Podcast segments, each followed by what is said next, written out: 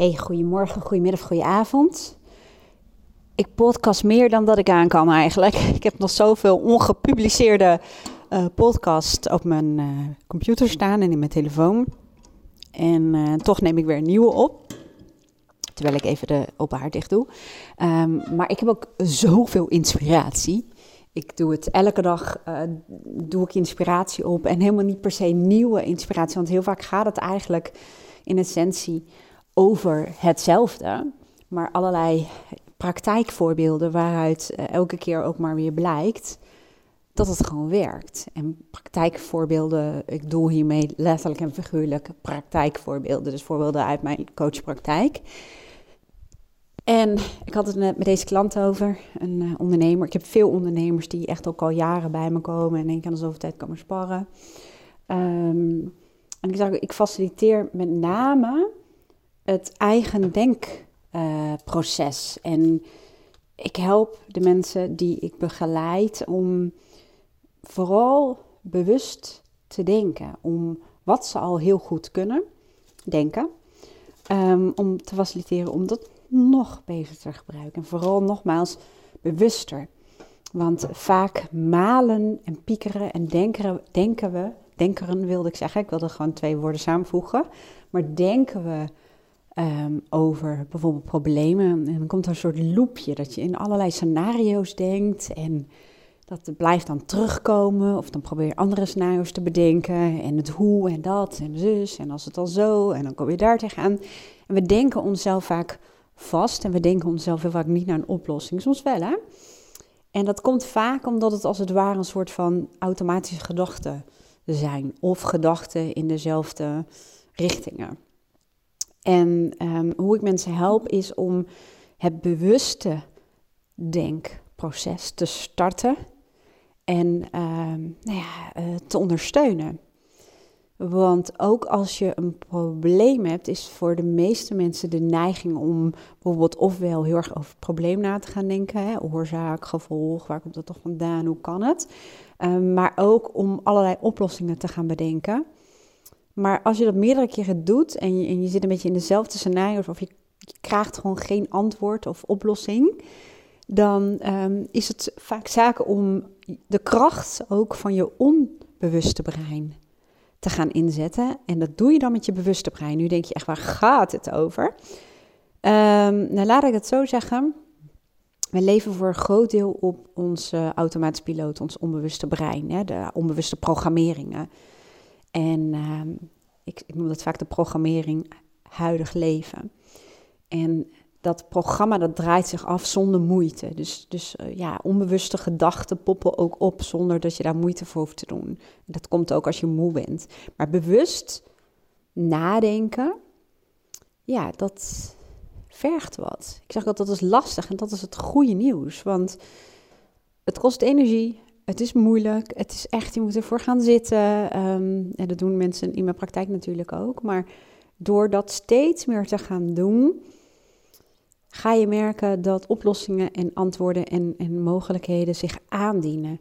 Ten eerste omdat je met je bewuste brein je onbewuste brein aan het werk zet. die geeft je eigenlijk opdrachten om te gaan processen. Je onbewuste brein is super, super, super, super slim. Dat wil zeggen, dat ordent op een heel andere wijze. Als jij heel helder hebt wat je wil, uh, waarvoor je bijvoorbeeld een oplossing wil hebben, en dan als het ware daar je denkkracht op zet, dan zul je merken dat jouw onbewuste brein, als een soort processor, die, die zet je open om uh, naar kansen, mogelijkheden, mensen, situaties op zoek te gaan informatie te verzamelen of, of, kansen te signaleren die jouw probleem gaan oplossen. Je zet je brein wagenwijd open, waardoor er ook heel veel meer mogelijke oplossingen komen. En vaak oplossingen uit een compleet andere hoek dan dat jij het bewust had kunnen bedenken.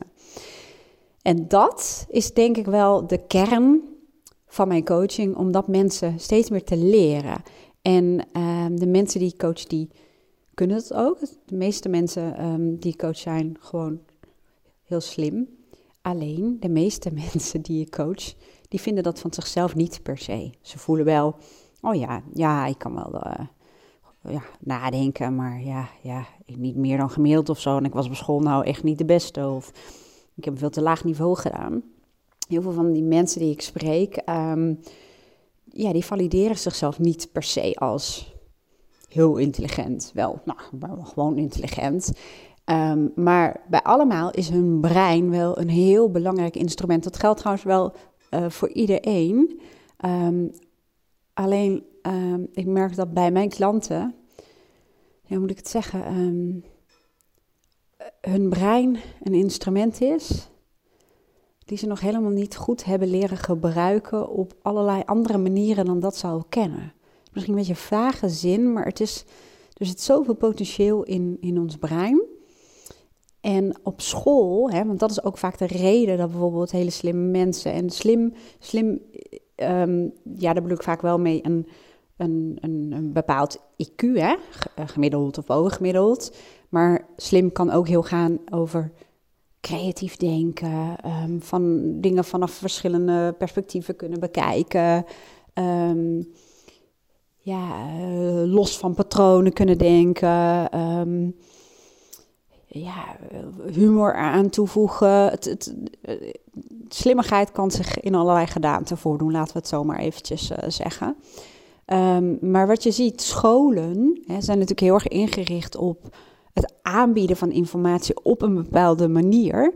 En heel vaak de, ik noem dat autonome denkers, de mensen die hun eigen beeld, eigen visie, eigen ideeën hebben, heel vaak helemaal niet bewust zijn van dat ze zo denken. Ja, ze weten het wel, maar voor hun is het eigenlijk gewoon als het ware natuurlijk. Maar vaak zie je dat, dat scholen en de manier waarop lesgegeven wordt, um, vaak niet aansluiten. Hè? Vaak niet inspireren of dat het hun interesse niet heeft. En um, ik ken dat van vroeger ook. Ik was altijd erg een dromenland en ik zat wel in de klas met mijn lichaam, maar uh, dat was het dan ook. En hoge cijfers halen staat dus niet gelijk aan intelligent uh, zijn. Maar dat even terzijde, dat is meer een beetje het profielschets van de mensen die ik het uh, meest coach. En um, dat is ook gewoon waar ik heel graag mee, uh, mee samenwerk. En hoe meer ik leer, ik leer methodieken, maar die berusten allemaal op um, het helder en bewust nadenken. Hoe meer ik dat leer, hoe, hoe leuker het ook wordt en hoe um, rustiger het vaak in het hoofd is van de mensen waar het over het algemeen juist ongelooflijk druk in het hoofd is. En heel veel uh, mensen um, die hebben een sterke ratio. Uh, en dat bedoel ik als ik dan voice dialogue met ze doe, met verschillende persoonlijkheidskanten, dan komen er ook vaak rationele kanten naar voren. En uh, bijvoorbeeld de analist, de denker, de scenario-denker, um, de oplossingsgerichte kant. Nou, een bepaald profiel, soms waar gevoel ook ja, zeer regelmatig ook wel wat ondergesneeuwd is. Um, of die ze bewust wat minder snel inzetten. Eh, of controle is ook zo'n zo'n kant die ik vaak zie. De controleur die graag de dingen onder controle wil hebben, die graag regie wil hebben. Um, de touwtjes in handen uh, wil hebben. En wat ook bevrijdend vaak is, wat mensen aangeven, los van het feit van hoe fijn het is om rust in het hoofd te creëren. Um, en de tweede, het tweede stuk is dat ze steeds meer gaan vertrouwen dat ze niet alles met dat hoofd zelf hoeven te bedenken. En dat klinkt een beetje tegenstrijdig als ik zeg van je gebruikt dat als instrument en je, en je zorgt dat je je onbewuste brein aan het werk zet. Um, maar dat gebeurt vaak juist op momenten waarop je Hè, sommigen gaan hardlopen of lekker wandelen of, of dingen doen waar ze lekker in op kunnen gaan. Of ze houden zich bezig met de dingen uh, die op dat moment wel binnen hun invloedssfeer ligt. En dan ontstaan oplossingen die komen alsof ze zomaar poep komen. Of je wordt door iets getriggerd en in één keer zie je het voor je. Dus dat is vaak ook um, durven te gaan vertrouwen dat je onbewuste brein zo ongelooflijk mega intelligent is. Als jij maar weet hoe je het tot dat denkproces kunt aanzetten. Um, daarnaast werk ik zelf heel veel met de wet van de aantrekkingskracht. je zou het spiritualiteit kunnen noemen. Misschien moet ik eerst dat woord even leren uitspreken. Eerder, als je me jaren geleden dat had gevraagd, dan zou ik dat zo bruut en hard hebben afgewezen. En was dat alles wat ik van mezelf niet zou mogen zijn. Alleen ik heb in de loop der jaren, met name eigenlijk ook wel in de tijd dat ik een, een burn-out had, al achteraf gezien was het um, niet super heftig, maar zeker wel een soort ontwikkelingsconflict, zoals ze dat zeggen. Maar dat was het eerste moment waarop ik in aanraking kwam met spiritualiteit. Oh, mijn telefoon valt bijna op handen. Maar toen nog ehm, via de wetenschappelijke brug, hè, Deepak uh, Chopra, las ik toen. En uh, die kan heel erg putten uit de wijsheid van natuurwetten, universele wetten. En ja, dat voelde nog wel enigszins veilig, spiritueel. En het heeft lang geduurd voordat ik uit de kast kwam door te zeggen dat ik ook geloof in de dingen die ik niet kan uitleggen of beredeneren. En wat dat is, ik zou het niet weten. Ik weet het ook niet. Een klant van mij zei net, ja, maar dat is dan misschien ook net spiritualiteit, dat je het niet uit kunt leggen. Maar ik ben vooral door wat ik toen in mijn opleiding leerde over de wet van de aantrekkingskracht, wat voor mij eigenlijk echt een moment was dat ik wilde afhaken. Niet gedaan gelukkig, want het bleek de methode zijn die mijn leven het meest heeft veranderd naast persoonlijke waarden. Ehm, ik leerde eigenlijk daardoor te vertrouwen op iets wat ik niet zelf kon bedenken, op iets wat ik niet uit kon leggen, op iets wat ik niet onder controle kon houden. Kortom, ik leerde door dat stukje spiritualiteit, hè, de wet van aantrekkingskracht, ik leerde te vertrouwen. En dat bruggetje werd eerst gemaakt door te vertrouwen op de wet van de incubatie, de wet van cycli. Dat ehm, alles een bepaalde cyclus heeft en dat je dat niet kunt forceren. En dat ja, ook in de natuur, sommige dingen lossen zich op of heeft gewoon even een bepaalde tijd nodig. En dat is precies het moment waar jij je gewoon eventjes niet mee hoeft te bemoeien. Als jij maar helder hebt wat je wilt, wat belangrijk voor je is. Nou, dat was een beetje het begin. En ehm, om even terug te gaan naar waarom vertel ik dat nu in, in, in het kader van het onbewuste brein. Nou, door de methodieken die ik gebruik, hè, door, door je te leren hoe je je onbewuste brein aan het werk kunt zetten, waardoor er echt oplossingen, mogelijkheden komen die je nogmaals niet bewust had kunnen bedenken. Plus wat zorgt voor rust, omdat je dan als het ware even los kunt laten. Ja, ik vind loslaten een moeilijk uh, begrip. Maar je geeft je onbewuste brein de ruimte om het voor je op te lossen. En um, dat stukje wet van aantrekkingskracht, dat is voor mij, als ik het zou moeten beschrijven, het deel wat niet door mijn bewuste en ook niet door mijn onbewuste brein wordt opgelost, maar wat opgelost wordt door, ja, weet ik dus niet.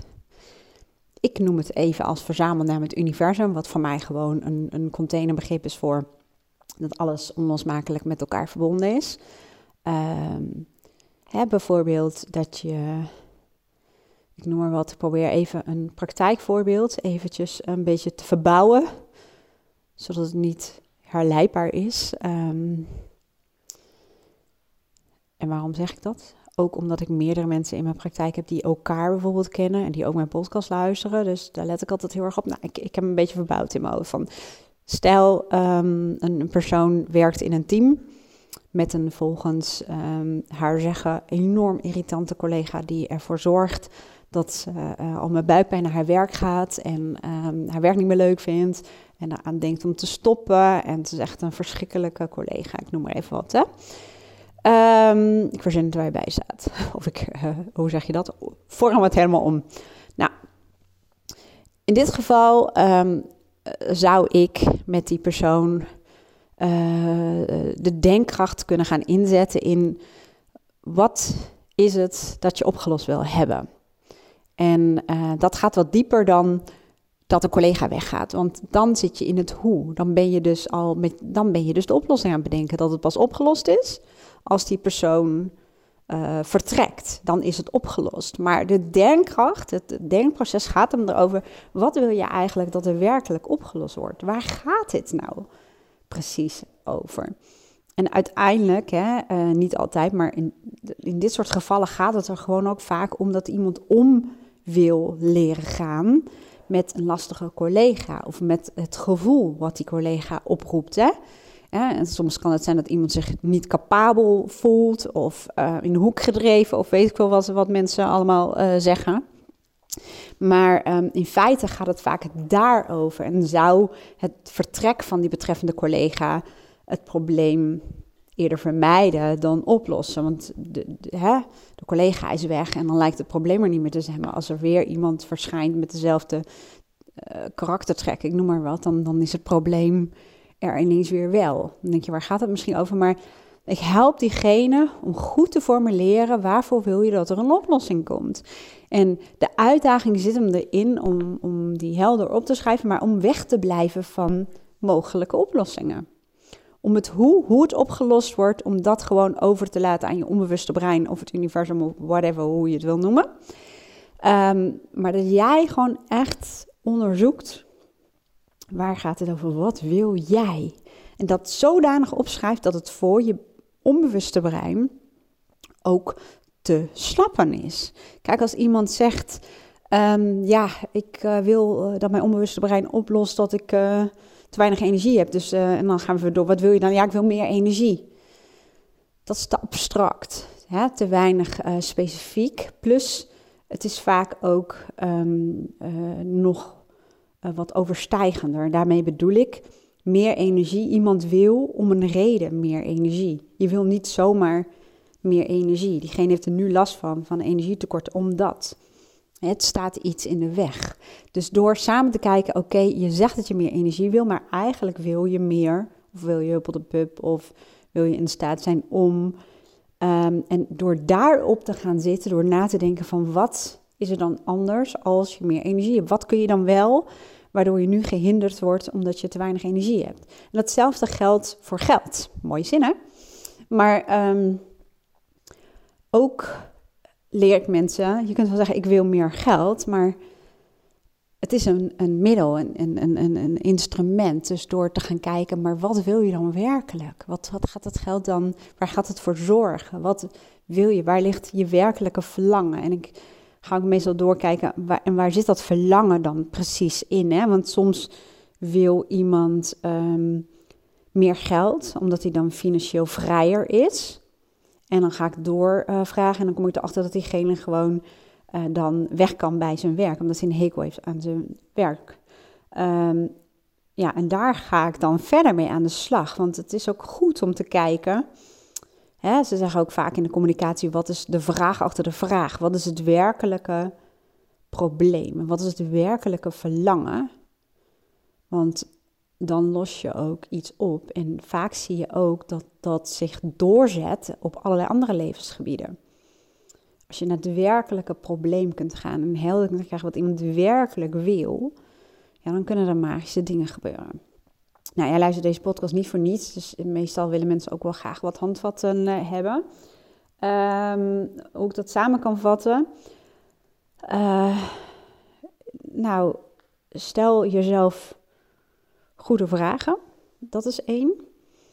Um, en stel jezelf bijvoorbeeld de vraag: um, wat wil ik dat opgelost wordt? En Ga dan vanuit het probleem wat vaak op tafel komt, kijken hoe ziet dan een gewenste situatie eruit? Hoe, wat, wat, wat wil je opgelost hebben? Wat, wat is je verlangen? Wat is je wens of wat is je behoefte? Want het gaat ook om dat je niet het probleem helder krijgt, maar dat je helder krijgt um, ja, wat je wilt. Klinkt misschien vaag, maar dit is, dit is gewoon ook de moeilijkheid. Echt Iedereen zegt, oeh, dit is echt even moeilijk. En ik schrijf mee en dan, dan, lees ik de zinnen op en dan zegt bijna iedereen, oh ja, ja, ja, het is te vaag hè. Ja, wat bedoel ik daar eigenlijk mee? Ja, oké, ja. Um, ik zeg ook wel een van, stel, het is nu, uh, het is nu echt uh, januari hè? En ik zeg al, stel dat wij elkaar in december uh, weer spreken. Waar wil je dan terugkijken? En wat, wat is er dan anders in je leven? Wat heb je dan ervaren? Wat heb je bereikt? Wat is opgelost? Waar heb je een manier voor gevonden om? Noem het allemaal maar op. En dat soort vraagstellingen of um, ja, methodieken noem ik het dan maar, helpen om helder te krijgen um, ja, hoe een oplossing er precies, oh nee, hoe het eruit ziet als iets opgelost is. En nou, daar ging ik zelf eigenlijk de mist in, want je hoeft niet voor je te zien hoe de oplossing eruit ziet. Je moet bij wijze van spreken voor je zien hoe het eruit ziet als het opgelost is. En wat die oplossing dan is, ja, dat is juist iets wat je over gaat laten aan je onbewuste brein. En dan is het grappige dat um, er vaak oplossingen of antwoorden komen uit een heel onverwachte hoek. Uh, dat komt ook omdat je brein dan ja, open staat en, en getriggerd wordt door bepaalde zaken en bepaalde informatie kan samenstellen, samenvoegen, die jij met je bewuste brein niet op die manier had kunnen samenstellen.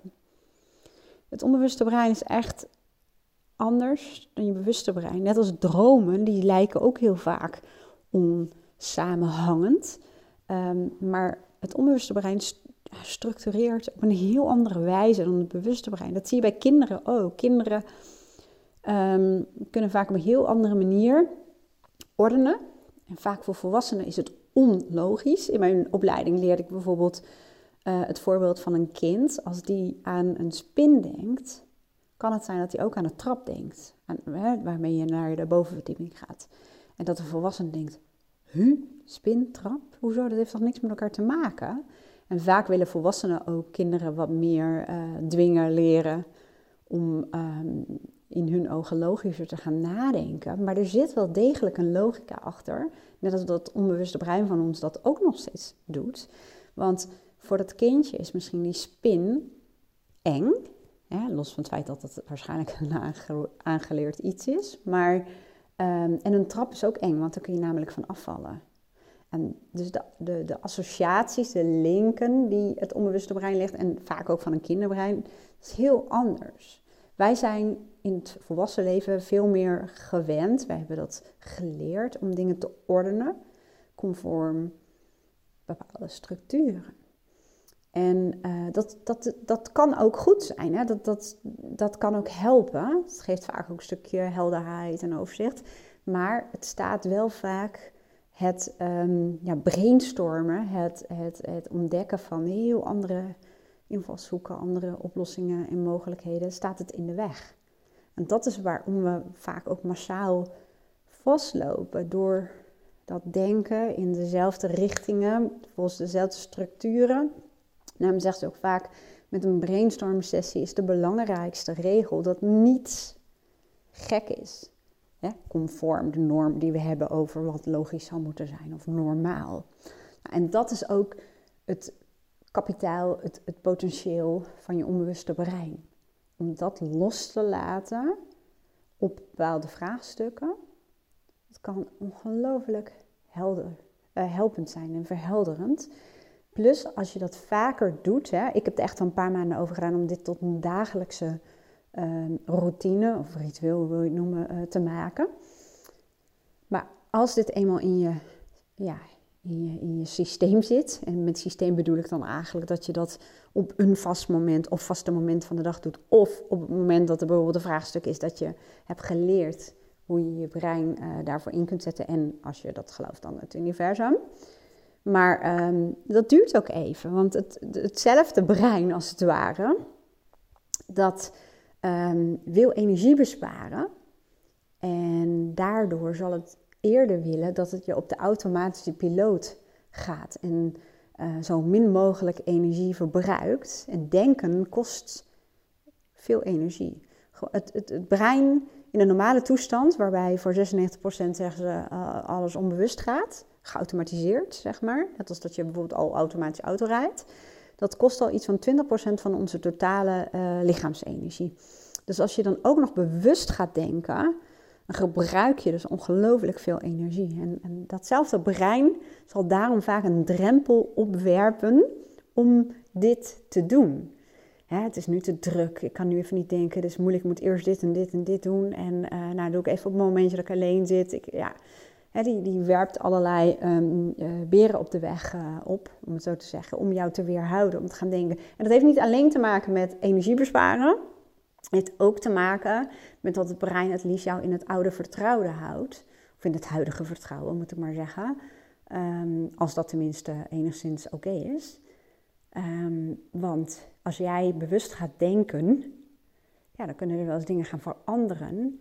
Nieuw, onvertrouwd, onbekend. En, en ja, in het kader van beschermingsmechanismen van je brein, hoe tegenstrijdig dit ook mogen klinken, is om jou veilig te houden. En anderzijds willen we ook groeien. Dus die twee conflicteren ook vaak met elkaar. Ehm, dus dat is ook de reden trouwens, als, als, ik hoor regelmatig als mensen in mijn coachpraktijk komen, dat een partner dat um, niet fijn vindt. Dat is dan vaak als bijvoorbeeld een relatie ja, wat langer bestaat, of dat wat sleur is, of ja, dat, dat, dat kan zo van ja, ja, maar ik heb mensen gehoord die gingen naar een coach en daarna dan verbraken ze de relatie. Ja, dat gebeurt zeker ook. En dat heeft ook weer te maken dat je bewust wordt, omdat je bewust na gaat denken. En dan ga je, ehm, ja, dan ga je anders naar je leven kijken. Dan ga je soms andere beslissingen nemen. Maar goed, ehm, ik zou zo nog weer 20 nieuwe podcasts kunnen maken als ik niet uitkijk. Dus ik zal nu afronden. Dat is ook nog een beetje behapbaar. Maar ik hoop dat je hier iets aan had, dat je er iets mee kan. Um, heb je wat hulp nodig? Nou, dat kan natuurlijk altijd een persoonlijke coachsessie, maar dat kan ook door een mini-course die ik heb gemaakt. En dat is jezelf goede vragen stellen. Dat kan namelijk um, jou trainen en helpen met allerlei kant-en-klare vragen en allerlei voorbeelden en, en, en praktijkvoorbeelden ook, maar ook van mezelf. Van hoe doe je dat nou? Hoe, hoe, hoe ga je nou dat onbewuste brein als het ware, ja, besturen is niet het goede woord, maar hoe ga je uh, dat inzetten? En um, dat staat online, dus dat kun je helemaal zelf doen. Ik zal het linkje wel even hier uh, inzetten als je aan uh, wil melden. Maar het is echt, ja, zo helpend. En dat, dat zegt eigenlijk ook iedereen die uh, dat bij me doet. En van ja, hoe meer ik het ga doen. Op een gegeven moment, heel veel mensen zeggen ook, het, het wordt verslavend. En dat is het punt waarop je merkt dat, dat de benefits, die, de voordelen, die, die ga je voelen. En waardoor je steeds meer gemotiveerd wordt om dit te doen. In het begin had ik dat ik het vooral deed op het moment dat er een probleem was. Um, ja, en dan was het eigenlijk noodzakelijk urgent. En nou, het duurde een tijdje voordat ik het ook ging doen op het moment dat het eigenlijk heel goed met me ging. Want dat, kan, dat, is, natuurlijk, dat is ook de basis van coaching. Dat, dat je um, heel erg kijkt naar wat kan nog beter of wat gaat al goed. En, ja, en doe vaker van wat goed gaat. Klinkt een beetje gek, maar uh, je, je hoeft niet altijd een probleem te hebben om naar coaching te gaan. Een groot gedeelte van mijn klanten heeft geen grote hebben geen grote hoe zeg je dat? Heeft, heeft, enkelvoud, hè? Heeft geen grote, uh, groot probleem. Deze zin was wel een probleem. Maar in elk geval, die willen gewoon groeien. En die willen gewoon nog meer uit hun leven halen. Of die willen de, de, de algemene vraagstukken waar ze tegenaan lopen, privéleven of werk, uh, daar willen ze gewoon tools, willen ze over sparren. En uh, die vinden dat vaak ook leuk. En, en die kunnen ook echt genieten van die ontwikkeling en, het hebben van tools om, om dit te kunnen doen. Dus nou ja, dat. Toch nog weer vijf minuten eraan gepraat. Nou, mocht jij er wat aan hebben gehad, dan um, zou ik zeggen, deel het onder de mensen waarvan je denkt dat die misschien hier ook een voordeel mee kunnen doen. Vond je het een fijne podcast? Dan leuk als je een reactie achterlaat of een review. En je hoeft echt geen tekst erbij te zetten. Een een paar keer drukken op het aantal sterren dat jij het waard vindt, uh, helpt mij ook al om steeds meer mijn bereik te vergroten met mijn podcast. Vind ik super leuk. Ik doe dat natuurlijk ook niet uh, voor niets. Ik hoop mensen ermee te inspireren. En ik, ja, wat ik wil zeggen dan nog is heel graag tot de volgende keer. En een hele mooie dag vandaag. Doei!